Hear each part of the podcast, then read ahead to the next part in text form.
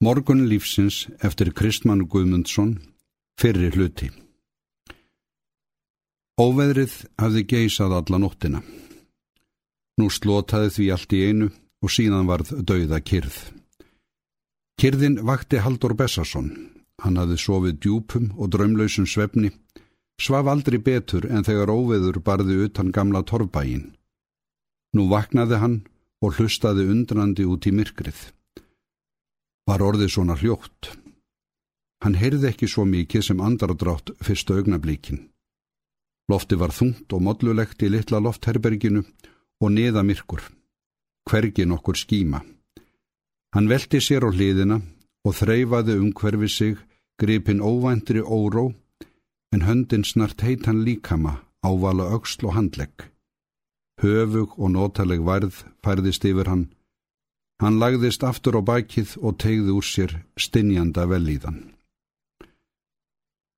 Hann vaknaði þegar á mókinu sem á hann hafi síið við döft hljóð niður í húsinu. Ætli piltarni séu komnir á stjá, spurði hann sjálfan sig og var gladvaknaður í sama byli. Þetta var sennilega Hannes gamle langbrók á leið út að gá til veðurs. Hann var einstakur morgun hanni. Kanski er þið sjóveður í dag og þá var vist best að láta þá ekki býða eftir honum sem átt að heita formaðurinn. Á næsta augabræði var hann komin fram á golf, náði í eldspítu, strauk henni við rúmstokkin og kveikti á lísislampa á borðinu. Svo stóð hann andartak kyrri sömu sporum og tegði úr sér, meðan herbergi losnaði úr álögum myrkursins. Herbergið var lítið og lagt undir loft, sköruð súðin brúna velli og bungaði inn á milli sperranna. Veggirnir voru úr illa tilhögnum skipaviði sem rekið hafði á ströndin á sínum tíma, en vottaði hér og þar fyrir rauðri málningun. Á miðjugólfi stóð fyrirferðar mikið plankaborð millir tveggja stóra veggfastra rúma, sem líka voru orðin dökk í viðin og núin á stólpum og bríkum. Ofan við annað þeirra var bókahilla með stórum og litlum bókum sem flestar voru bundnar í þygt skinn og með tréspjöldum. Það hafði fendt fyrir glukkakittruna í óveðrinu. Rimlana bar eins og lítinn svartan kross við kvítan flötin. Haldur Bessarsson andaði að sér lísistefnum og brunaliktinni sem barst af lampanum. Svo þreif hann vaðmálsbuksur af rungablinum og tók að klæða sig. Hann fór sér hægt til að vekja ekki sofandi konuna. Hann rendi augunum til hennar öðru kvoru. Hún hafði losað arma og axlir við sængina vegna hitans. Hún var holdug og þrekvaksinn, andlitið mótað og festulegt, þrátt fyrir barslega og mjúka drætti, en svipurinn skörulögur og svo sem skipandi, jafnvel í svefninum. Haldur Bessarsson brosti í kampin. Honu var hlýtt og bjart í skapi við þá tilhugsun að þessi kona var hans. En allt í einu rétti hann úr sér og leifti brúnum. Það var búið að kæfta nógum hanna og þvaðra vegna hans. Í vor ætlaði hann að leiða hanna upp að aldarinu og þá væri allt klappað og klárt. Betri konu fengi hann aldrei. Hún hafði gert honum lífið ljúft og kært þegar hann kom hingað ókunnugur, einmanna og harmi lostinn. Hún hafði staði við hlið honum og styrt hann. Hann átti henni mikið að þakka. Og gerfilegri konu gati ekki á Suðurlandi. Það var sístað undra að sumir sveitungarnir gæfu honum ílt auga. Meira að segja að Samuelsen faktor gekk og eftir henni með grasið í skónum og vildi fá hana fyrir eigin konu. Það hafði Haldur bæði hýrt og séð. Og hann förðaði sig alls ekki á því. Hún var þess virði og vel það. En eiga síður var það hann, norlendingurinn stæriláti, sem fjekk að sofa í faðmi hennar. Hann myndi heldur aldrei yðrast þess. Engin hafði kist hann heitar, engin verið honum örlátari en hún. Við hlið hennar var lífið áhugjulegst, farsalt og heilbrygt. Og hann, sem hafði farið á norðan í þeirri trú að fátt yrði honum til fagnadur um dagana, jú, Hann hafði notið gleði og gamans og það átti hann henni að þakka. Heilladísir hafðu ráðið ferðansinga söður þar sem hafið var á aðra hönd og háríkaleg fjöll á hina. Hér var gott að vera. Hér ætlaði hann að setjast um kyrt og afla sér auðs og allsnækta. Verðagildur bondi til lands og sjávar og ættfæðir nýs og þróttmikils kynstops sem virti hann og myndist hann sem langan aldur. Norður færa hann aldrei aftur. Þess hafði hann svarið dýra neyð. Yngri bróðurinn er það taka við ættaróðalinu enda myndi það auðsótt mál. Nei, til Norðurlands myndi hann aldrei fara. Ekki svo að skilja að hann bæri þungan hug til æskurvina síns til Þorstins Þorstinssonar að því að það var hann er fjekk stúlkunna sem þeir unnu báðir. Það var hún sem hafi valið. En hann gerði sér ljóst að honum erði ofraun að sjá þau sem hjón búa í nágrinni við þau. Jæja, nógum það. Hann rétti úr sér hart og snögt eins og hann vildi hrista eitthvað af sér. Ástinn svo kallaða var vist ekki íð eina eftirsoknarverða í lífinu, öðru nær. Hún var óró og æði og gerði menn viti sínu fjær. Nú átt hann salvuru. Salvuru sem var allra kvenna fríðust og fungulegust og allir höfðu augast að á, en hafði valið hann einan. Nú var að sína það að hann væri maður til að launa henni að verðleikum. Hann hafði loki við að klæða sig, síðan tvífið af þið hann laungum öllartreflu um hálsin og stakk endunum niður á brjóstið undir treyjuna. Trefilinn hafði salfur prjónað handa honum og hann var hlýr og góður á sjónum og í smalamönsku og hrossaleit uppi til fjalla. Umhyggja hennar fyldi honum hvert sem hann fór.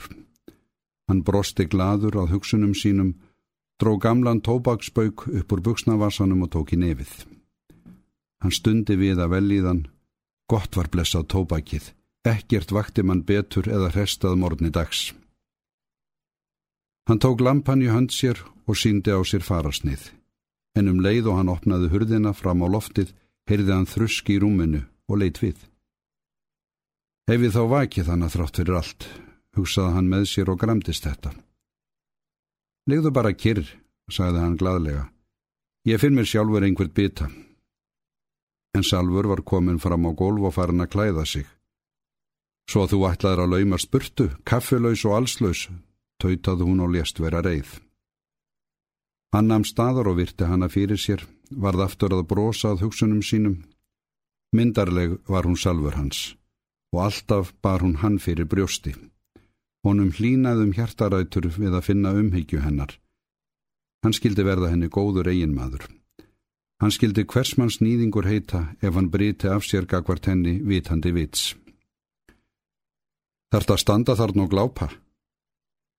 Hún rétti úr sér og varði rauði í kinnum þegar hún leita á hann. Hann hló og let lamp hann aftur á borðið. Gat ekki neyta sér um að snerta hanna. Hún var komin í pilsið og bólinn Hann hjálpaði henni í þykka öllartreyjuna og hún let sér það vel líka. Það var ekki vani karlmann að dekra svona við kvennfólkið og mildaði enginn sá til þeirra. En Haldur var ólíkur öllum öðrum hér í sveit. Sunnlendingarnir voru miklu styrðari og hátíðlegri í umgengni við konur sínar. Ekki svo að skilja, hún sætti sig við hann eins og hann var, en sjálf gátt hún ekki verið eins Hún þyktist við og róðnaði þegar hann seildist með hendurnar þangað sem þær áttu ekkert erindi. Augu hennar umvöfðu þennan sterkbyggða og þrekmikla mann. Hún vissi að þessar gælur voru barnaskapur af fullornum fólki og þetta myndi hafa þótt hlægilegt aðtæfi ef einhver annar hefði átt í hlut. En Haldóri Bessarsinni, æringjanum og galgópanum, honum leiðist allt sem honum dætt í hug og henni fannst allt í lægi. Sestu hérna heilin, ég skal binda á því skóna, sagði hann hlæjandi. Hún hlíti hristandi höfuðið. Heldur þú kannski að ég sé krakki? Andmælti hún af hálfum huga og röddinn stakki stúfið atgerfi hennar og börði. Meðan þessu fór fram hafði hann fært hana í þunna söðskinskóna sem voru verftir af mikilli list og batt þvingina um öklan. Hann fór sér einkennilega hægt við þetta. Fætur hennar voru miðlungi stórir og fagurgerðir og linglitaðir skórnir sem fjallu fast að þeim nýjir og snotrir. Hún batt enda á þetta með því að vefja handligjónum um hálsónum og leggja vangað vanga. Svo þreif hún í aukslónum. Hýpjaði þið ofan að vekja piltana, Karlminn. Það verður besta sjóveður í dag. Hún reys á fætur og tók að búum rúmið. Allónt hans höfðu vakið henni bæði þykju og þrá. Fullorði fólk að láta eins og bjánar. Tautaði hún fyrir munni sér og höndin skalf þegar hún strauk kottan sem í var dæld eftir höfuð hans. Í næstu andrá var hún orðin róleg og örug í framkomu. Sérð ekki að lampin ósar, spurði hún og dróniður kveikinn. Svo tók hún kóluna og gekk á undan honum út úr herberginu. Framlofti var lánt og lagt undir loft og rúm vinnufólksins til begja handa. Nú svaf þar enginn um að vinnukonan og tvö gamalmenni, hjón sem fyllt höfðu jörðinni þegar Haldur Bessarsson fekk hana til ábúðar. Af loftinu lá mjór stíi niður í húsið þar sem skipverjar Haldurs höfðu bækistöð sína. Þegar hann opnaði hleran og ætlaði ofan, reys grett og úvið höfuð upp úr næsta rúmi. Það var loppagamla, eins og hún var kölluð í daglegu tali. Skýrnarnafn hennar myndi engin. Ekki róa í dag, Haldur Bondi, kvíslaði hún annarlegum rómi. Hún var rauðeig og ófrínileg, einna líkust ferlegri norn í flögtandi skini lísislampans. Haldur Bessarsson hló við og hjælt áfram ofan stigan án þess að virða gömlu konuna viðlits. Þessir sunnlendingar voru fullir af hjátrú og hindurvittnum. Að þeirra dómi varð ekki þverfótað fyrir draugum, huldufólki og tröllum. Loppa gamla var bæði talin forspá og skikn. En Haldur Bessarsson let sér slíkt í létturúmi liggja. Hans vegna gæti þetta allt verið satt og rétt, en hann gerði eins og honum síndist hvort heldur draugunum líkaði það betur eða verð. Salfur stóð kyrri í sömu spórum, uns hann var komin ofan, þá spurði hún í halvum hljóðum, Sástu nokkuð, loppa mín? Það er nú ekki mikið að marka hvað ég sé, Reytti hún út úr sér. Gamla konan breyti upp fyrir höfuð og snýri sér til veggjar. Húsfreyjan stóð kyrr ennum stund.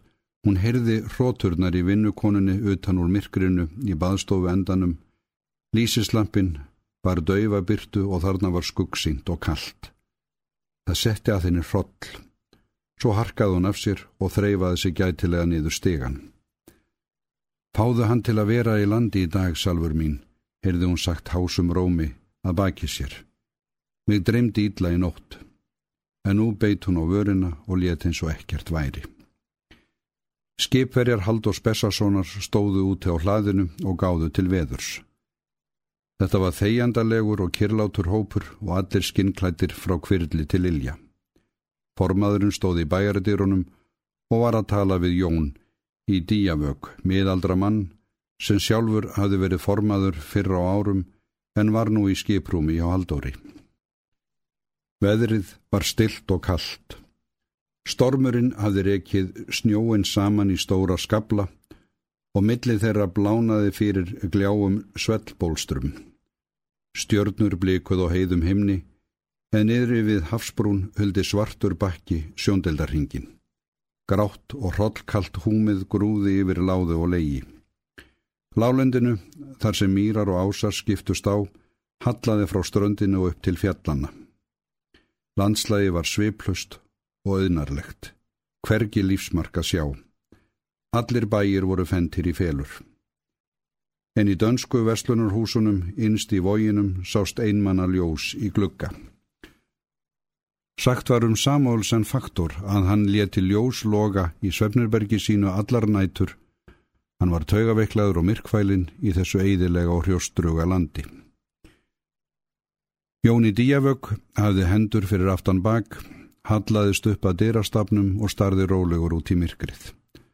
Stórbrim var við tangana og mikið hafrót út í vógminninu. Það yrði ekki heiklum hend að fá bátinn fram í dag í þessari foráttu. Annars var veðurútlitið alls ekki slæmt. Hann var raunar svartur og ljótur í hafið og veðurgnýrin í fjöllunum þungur og dimmur, en þetta voru bara leifarnar af storminum frá í gær. Þessa stundina var stilli lokn. Jón Jónsson gaf öllu þessu nánar gætur, en þó var hálfur hugur hans við allt annað. Árnína hans, svo blíðlenda og hægláta kona, hafði gerkvöldi flutt honum gleði frétt sem hlýjaðu honum um hjartarætur þó að kallt væri í veðri. Þau hafði verið gift í 15 ár og aðeins eignast eitt barn, krippling og auðmingja sem var þeim til mikillar byrði. En þegar þau háttuði gerkvöldi hafði Árnina sagt honum að aftur væri von á barslátri og æslum í baðstofunni í díavögg. Barað Guð gæfað barnið yrði rétt skapað og heilbrygt.